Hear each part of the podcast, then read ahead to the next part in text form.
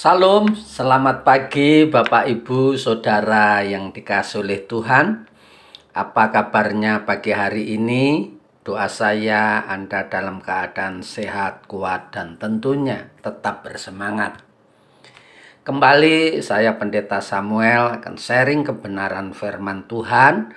Pagi hari ini saya ambil di dalam Lukas 13 ayat yang ketujuh Demikianlah kebenaran firman Tuhan itu. Sudah tiga tahun aku datang mencari buah pada pohon ara ini, dan aku tidak menemukannya. Tebanglah pohon ini untuk apa ia hidup di tanah ini dengan percuma. Haleluya. Pagi hari ini saya kasih tema yaitu yang tidak berbuah akan ditebang. Sekali lagi, yang tidak berbuah akan ditebang. Jika kita menanam pohon, baik itu pohon yang menghasilkan buah atau hanya menghasilkan bunga saja, pasti kita akan mengharapkan bahwa dari pohon itu akan menghasilkan buah atau bunga yang lebat.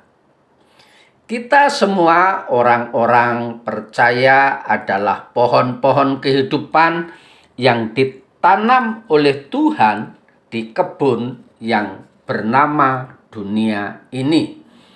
Di mana kita diharapkan akan memberi buah-buah pertobatan yang lebat.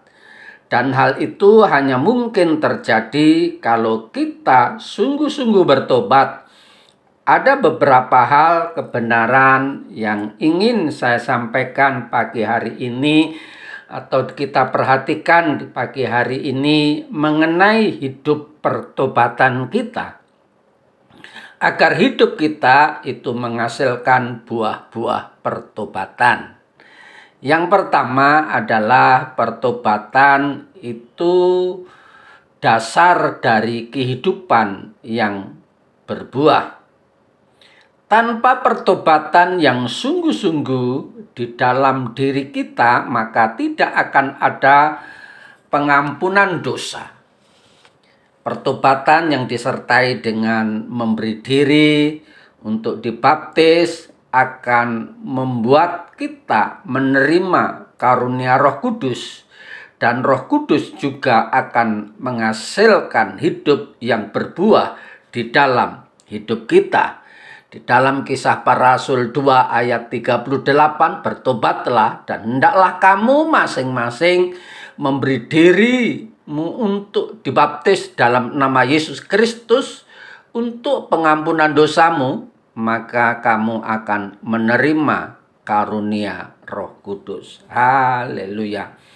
Lewat pertobatan hidup kita tidak hanya menghasilkan buah pertobatan saja, tetapi buah-buah kehidupan yang lain akan menyusul juga setelah pertobatan yang sungguh-sungguh dikerjakan oleh Roh Kudus.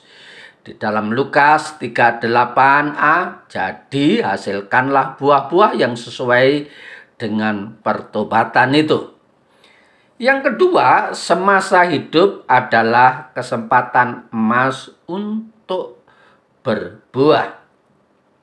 Kehidupan kita yang kita terima dari Tuhan dan yang sedang kita jalani sekarang ini adalah anugerah Tuhan semata.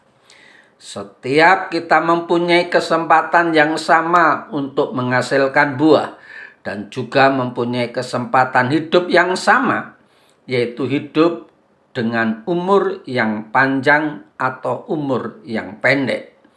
Oleh sebab itu, sekaranglah kesempatan bagi kita untuk berbuah. Dan dengan buah-buah yang kita hasilkan itu, maka hidup kita akan menjadi berkat bagi banyak orang.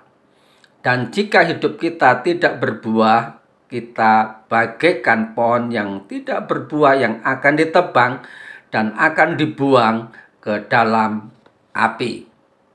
Yang ketiga, jika kita gagal berbuah, Allah memberi kesempatan sekali lagi. Dan di dalam Lukas 13 ayat 8 jawab orang itu, "Tuhan, biarkanlah dia tumbuh tahun ini lagi. Aku akan mencangkul tanah sekelilingnya dan memberi pupuk kepadanya."